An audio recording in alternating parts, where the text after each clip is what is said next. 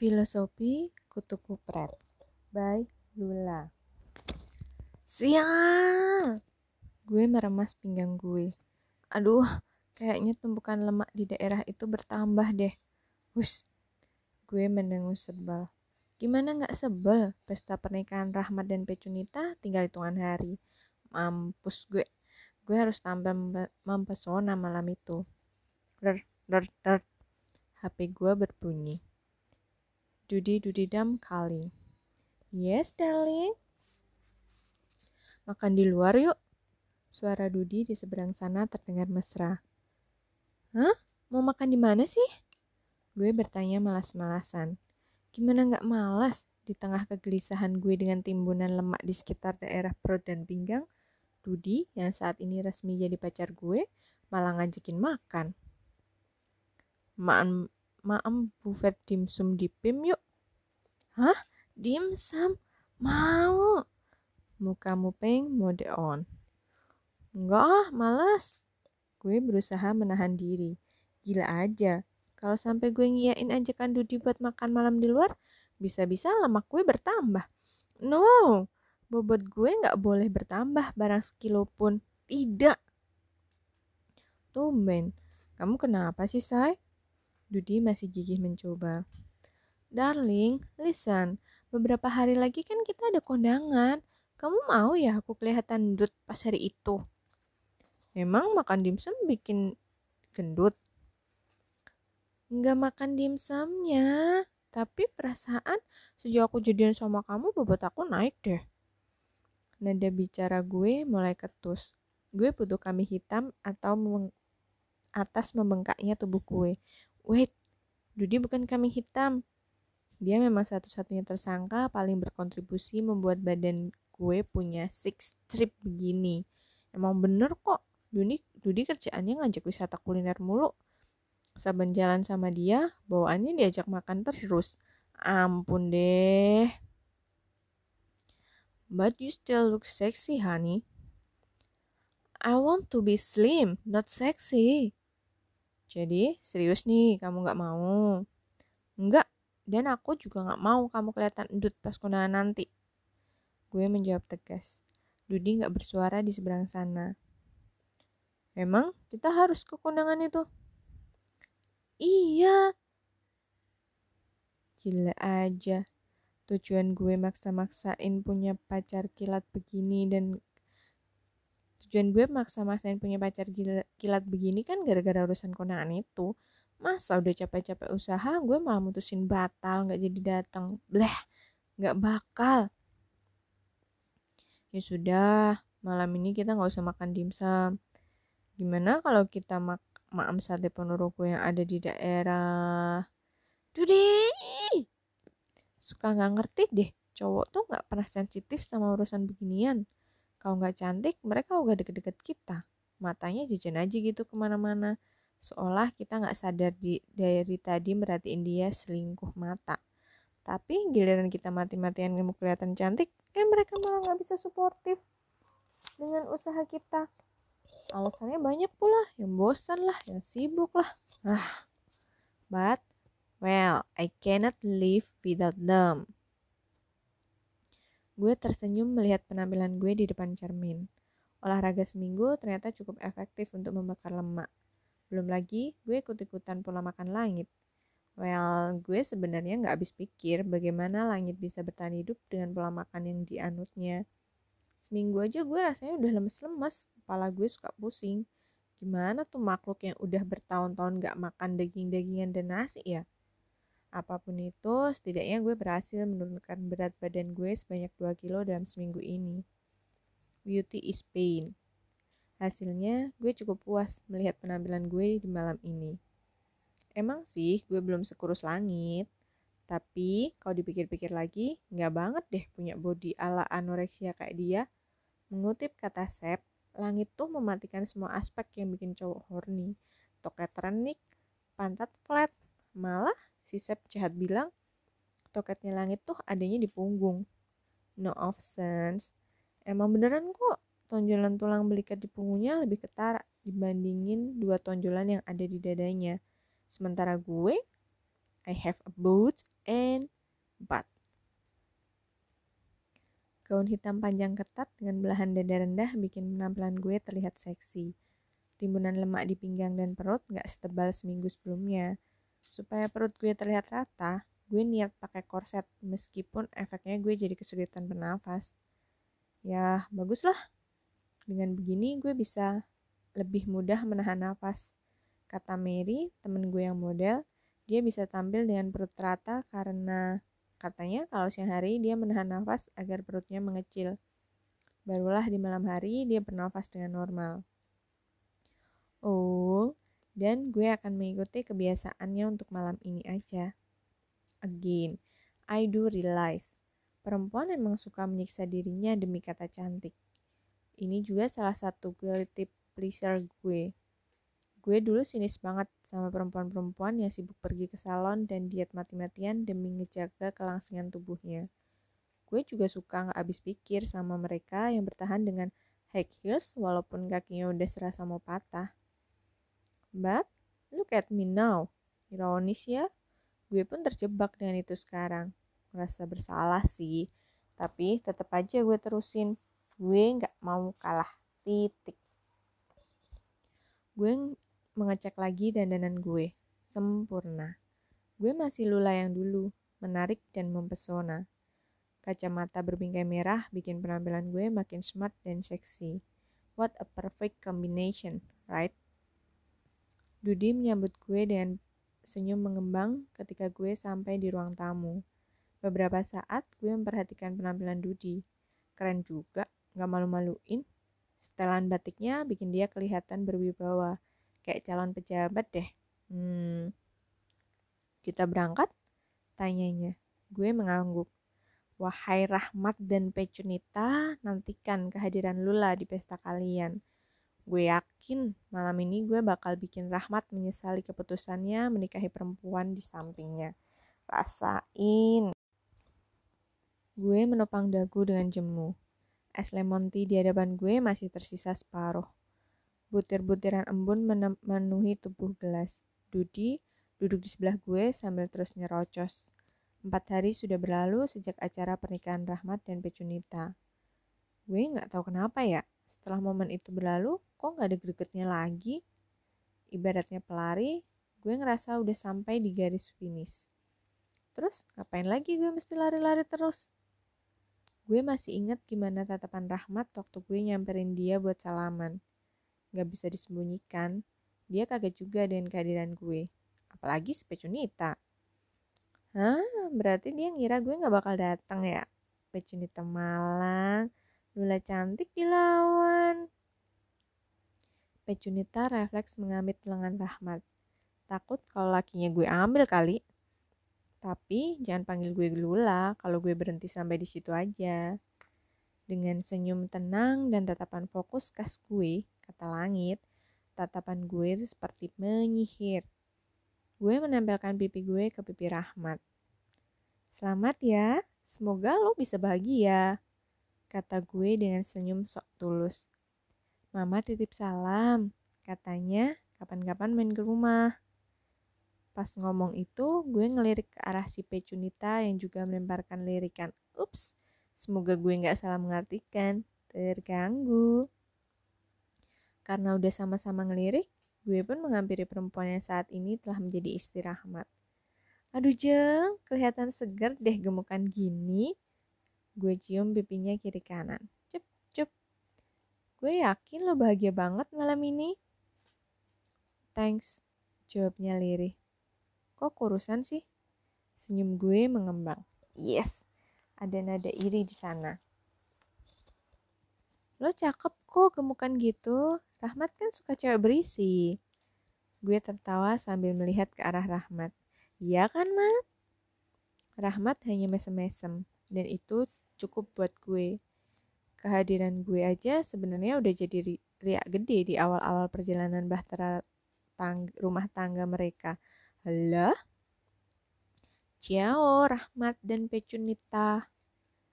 Dengan anggunnya, gue menggandeng Dudi turun dari pelaminan setelah terlebih dahulu mengenalkan Dudi ke mereka. Oke, katakanlah gue puas. Tapi setelah ma malam itu, tiba-tiba gue kok ngerasa kosong lagi ya. Belum lagi persoalan baru muncul. Kuping gue mulai gatal dengan om dengar omongan Dudi. Oh my god, can you believe this?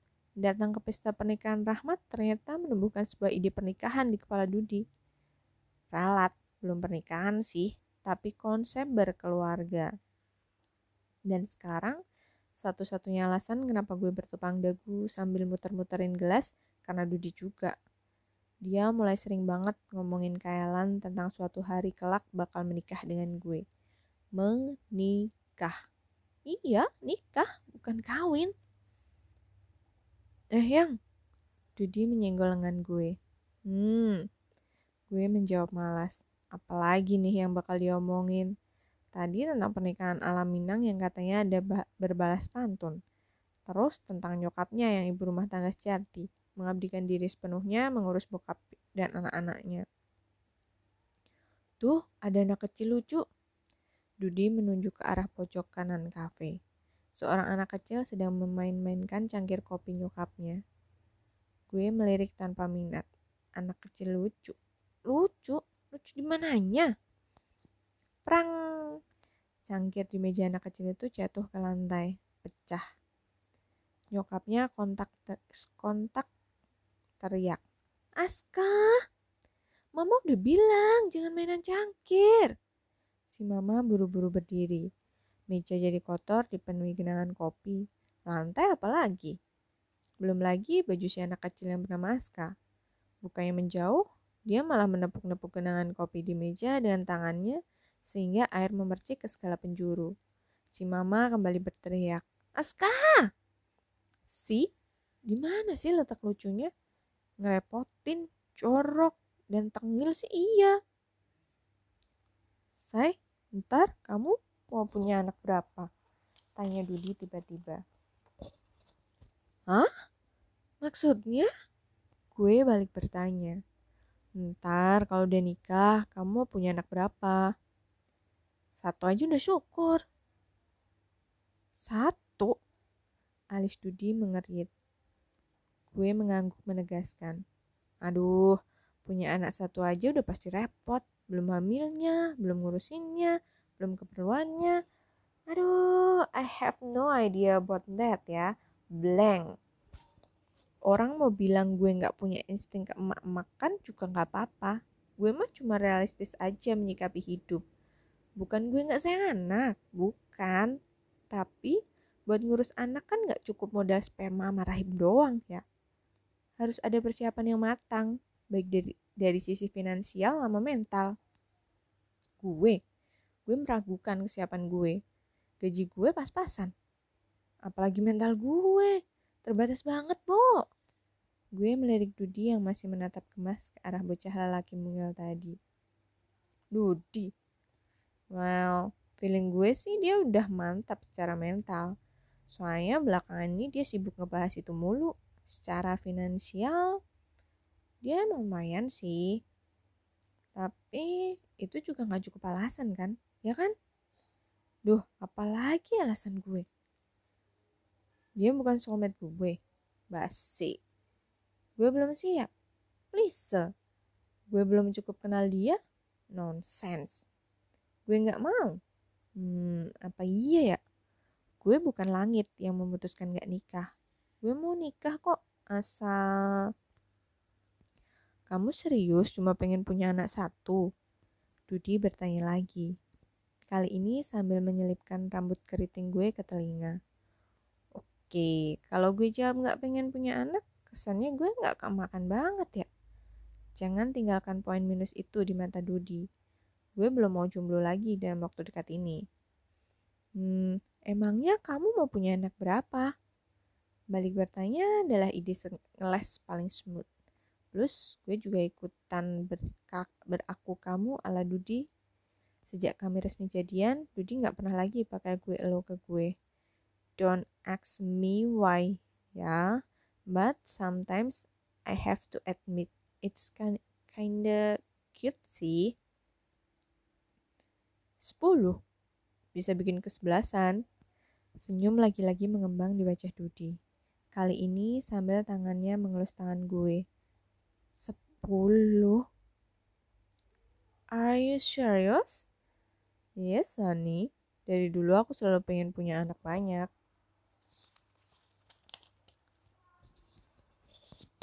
Lo pikir ngelahirin ngelahirin gampang?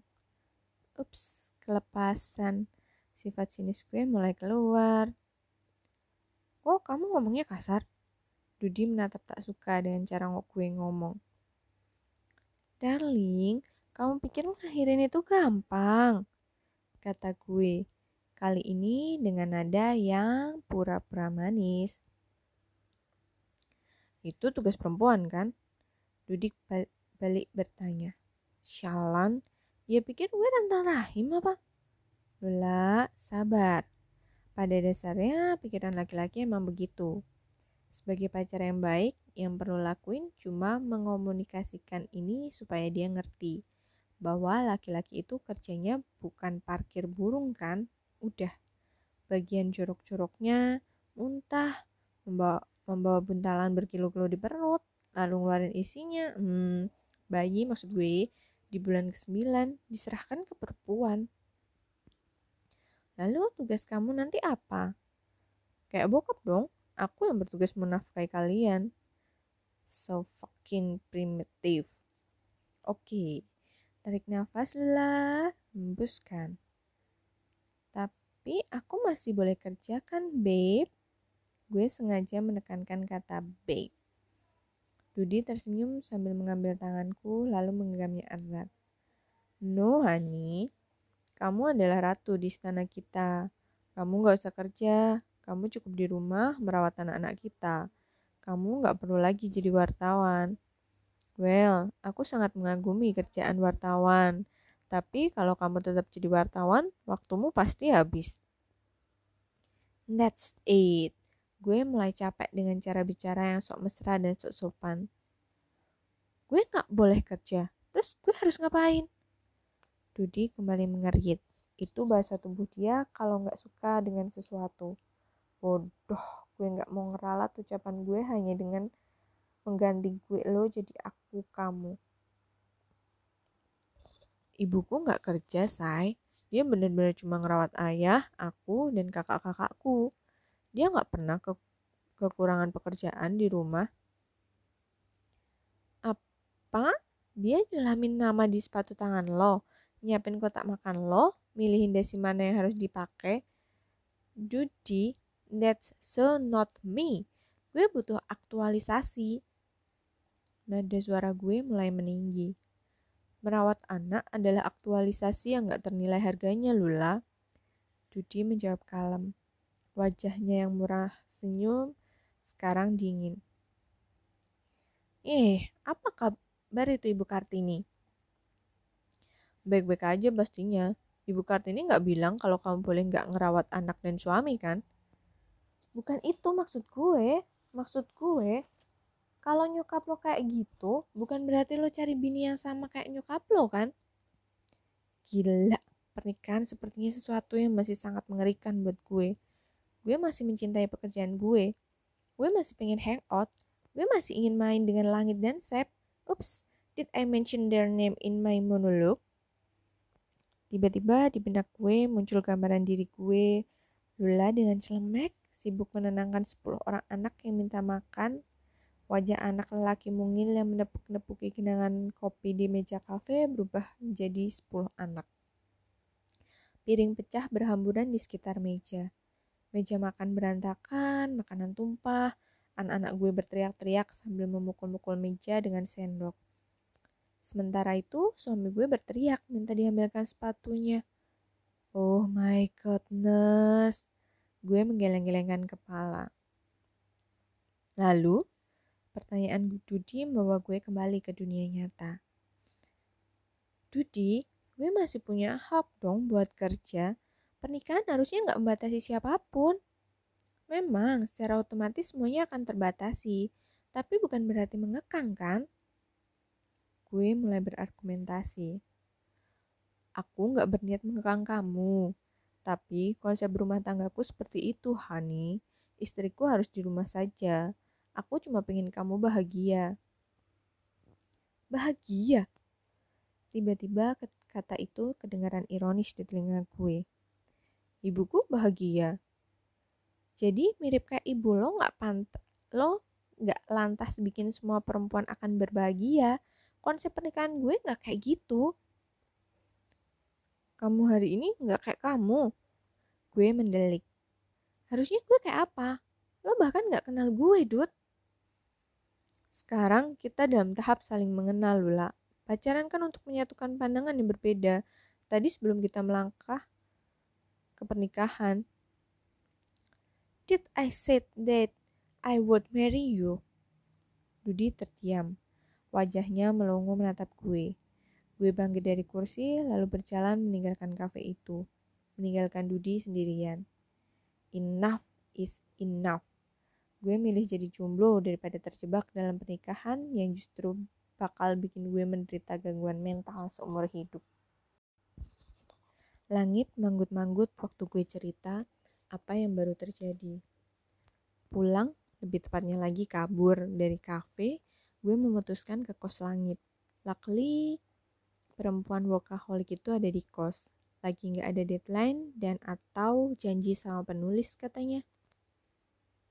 Gila aja, dia mau jadiin gue tawanan lang kata gue emosi. Bahasa lo tuh. Habis apa dong namanya? Itu kan ibarat hidup di sangkar emas. Lo mau? Ya enggak lah. Jawabnya mantap. Ya iyalah, so ambisius ya. Secara nih mak lo gak mau nikah. Tapi, kenapa lo tinggalin gitu aja sih? Kenapa gak coba bikin Dudi ngerti pelan-pelan tentang konsep pernikahan yang lo punya, Ul? Gue bergidik. Ih, dengernya aja takut. Gue memeluk boneka Stitch di, randang, di ranjang langit. Emeng-emeng, untuk ukuran perempuan kayak langit, androginier, seksual atau non-seksual, kehadiran boneka di kamarnya terus terang agak aneh ya. Too sweet. Tapi pas Sep nanya kenapa langit bisa-bisanya memutuskan memiliki boneka itu, dia menjawab dengan simpel, unik. Nggak kayak boneka-boneka lain yang kesannya imut. Ih, produk mutan mana sih ya bentuknya nggak unik? Bukannya lo takut dibilang perawan tua? Nggak laku. Nah ini udah dia yang mau nikahin lo, kok malah ngibrit? Langit melirik gue dari balik macbooknya yang terbuka. Tapi gue nggak tahan sama bayangan tentang pernikahan model Dudi, Lang. Emang lo udah pernah coba menjajaki? Siapa tahu lo bisa pelan-pelan lo bisa ngubah cara pikir dia. Kayaknya nggak mungkin deh. Dia pengen gue kayak nyokapnya. Gue mulai defensif. Emang sih tadi gue langsung hibrid gak mau coba pelan-pelan bikin Dudi paham apa yang gue mauin. Gue langsung nyolot langsung kabur aja lo belum nyoba dan lo udah langsung ngejudge Dudi gak bakal berubah. Lo gak adil ul. Lo kali ini yang gak mau berubah. Come on gue lagi gak butuh nasihat. Gue butuh orang yang ngedukung opini gue. Langit tetap dengan sikap awalnya. Tapi kali ini dia menurunkan layar laptopnya sehingga bisa menatap gue dengan lebih jelas gue dukung opini lo tentang pernikahan pernikahan gak seharusnya mengekang I'm not against you all but what I don't like is your way of escaping from that situation You did not even give any chance to Dudi. You didn't even try to explain anything. Lo cuma defend. Gue diam. Gue curiga, jangan-jangan justru lo yang sebenarnya selama ini belum berani terikat dengan komitmen. Tapi lo malah nyalain semua cowok yang punya hubungan sama lo. Hanya karena lo gak cukup punya nyali buat nyalahin diri lo sendiri gak mau ngakuin kalau persoalannya ada di diri lo. Lo yang belum sanggup mengkomunikasikan semuanya. Lo yang belum sanggup berkomitmen. Lo belum siap menerima orang yang paling deket sama lo justru berbeda pendapat sama lo. Gue bisa nerima pen perbedaan pendapat lo sama Sep. Gue menjawab tegas. Bukan itu persoalannya, ulah. Bukan gue atau Sep. Tapi orang yang bakal grow old with you, babe till, till your last day. Wow, ada orang yang lagi romantis nih. Nyelesain perasaan lo sendiri aja lo gak bisa lah. Ul, kita lagi ngomongin lo. Gak usah sok kasih nasihat. Gue gak tahu apa yang ada di otak mantan lo sampai dia milih cowok daripada lo yang cewek. Mampus. Gue ngomong apa barusan? Kayaknya mulut gue kali ini kelewatan deh.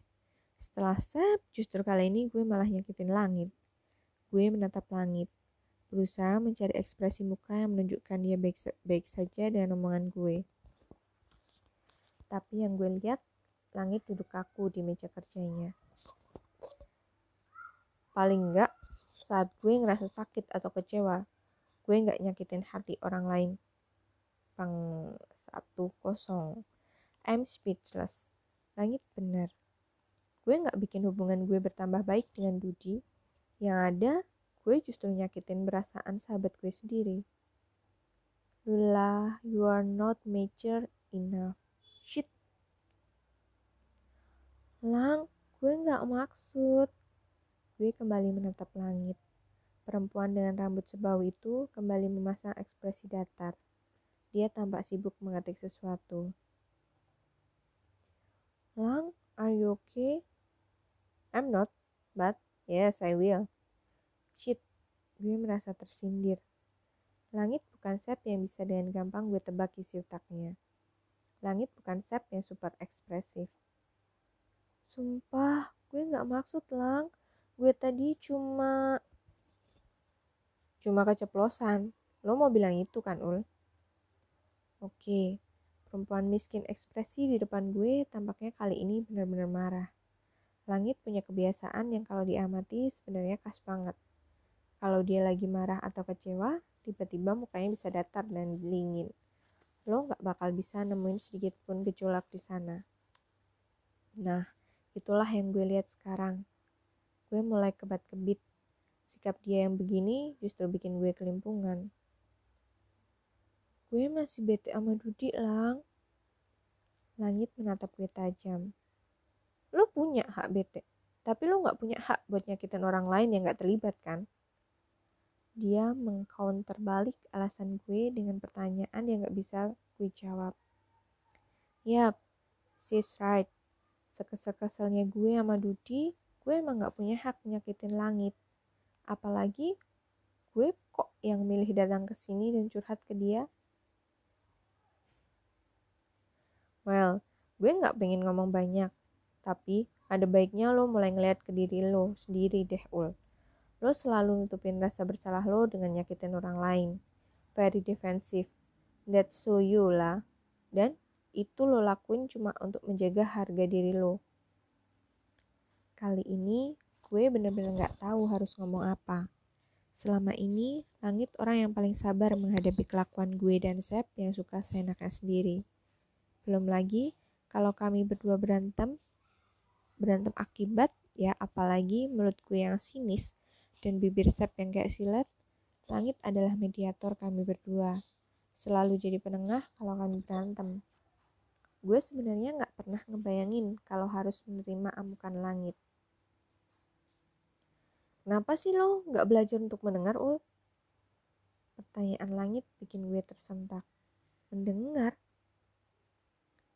Kapan sih lo mau lo mulai mau belajar bicara, Ul? Kali ini gue melongo. Bicara.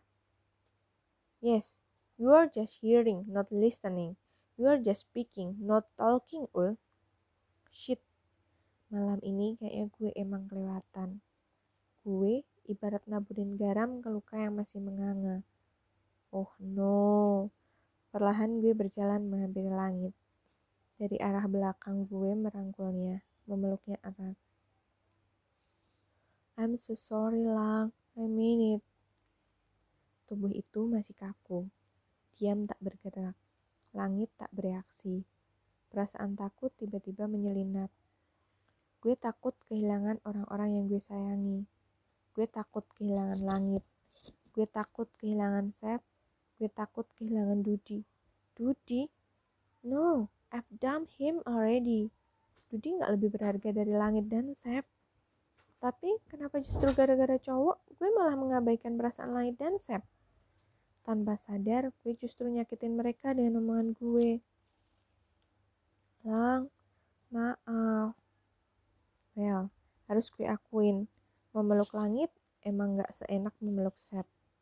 Tonjolan tulang di belakang langit terlalu berasa. Bikin sakit badan kita kalau meluk dia dari belakang begini. Anyway, lupakan tentang tubuh kurus kering langit. Saat ini, gue harus lebih fokus terhadap apa yang bakal dilakuin langit setelah omongan mulut cabai gue. Selang beberapa detik, langit masih gak bereaksi. Gue mulai panik. Tanpa sadar, gue semakin erat memeluk dia. Tangan langit bergerak, mengelus lengan gue yang melingkari bahunya dengan usapan pelan. Gerak tubuh khas milik langit untuk menyatakan Semuanya baik-baik saja. Aku tuh lepas sakit tahu. Gue susah nafas nih. Celetuk langit tiba-tiba. Gue gak percaya dengan apa yang gue dengar. Kutu. Aduh, itu kan panggilan judul gue dari Sabdan Langit. Udah lama banget gue gak denger mereka manggil gue kayak gitu. Kutu. Kata mereka adalah hewan yang cocok cocok ngegambarin gue. Kecil, selalu merasa paling menjadi korban, melulu dianiaya dan dibantai, dan gak sadar kalau apa yang udah dilakuinnya di kepala orang tuh ganggu banget. Kalau dipikir-pikir, emang bener kali ya. Selama ini gue selalu berpikir gue lah yang jadi korban. Gue lah yang teraniaya. Aktivitas sekecil itu dari langit cukup bikin gue yakin. Ia udah maafin gue. Tiba-tiba gue kangen Sep kangen langit yang sedang gue peluk, gue makin erat memeluk langit. Gak peduli kalau dia semakin meronta-ronta akibat pelukan gue. Sakit tahu, kata langit sambil mencoba melepaskan diri. Lo kata gue gak sakit meluk badan lo yang penuh tonjolan tulang begini. Lepas dong kalau gitu. Jadi, yang mau bertahan meluk lama-lama juga gak ada. Palingan cuma gue sama Sep. Itu pun karena kita berdua khawatir kenapa tonjolan tulang lo lebih tinggi dari bagian tu tubuh lo yang emang seharusnya memerlukan tonjolan. Shalan lo.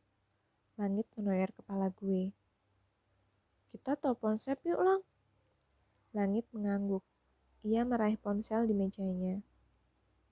Gak diangkat tuh, kata Langit setelah beberapa saat menunggu. Ntar deh, coba lagi. Gue mengangguk. Sambil kembali ke ranjang langit, kembali memeluk Steve, honestly, Steve jauh lebih menyenangkan untuk dipeluk daripada langit. That's all my reason. It to say lang. Muka Steve yang bangal abis malah bikin gue merenung. Ke mana aja gue selama ini? Kayaknya gue terlalu sibuk dengan pikiran sendiri. Gue terlalu egois.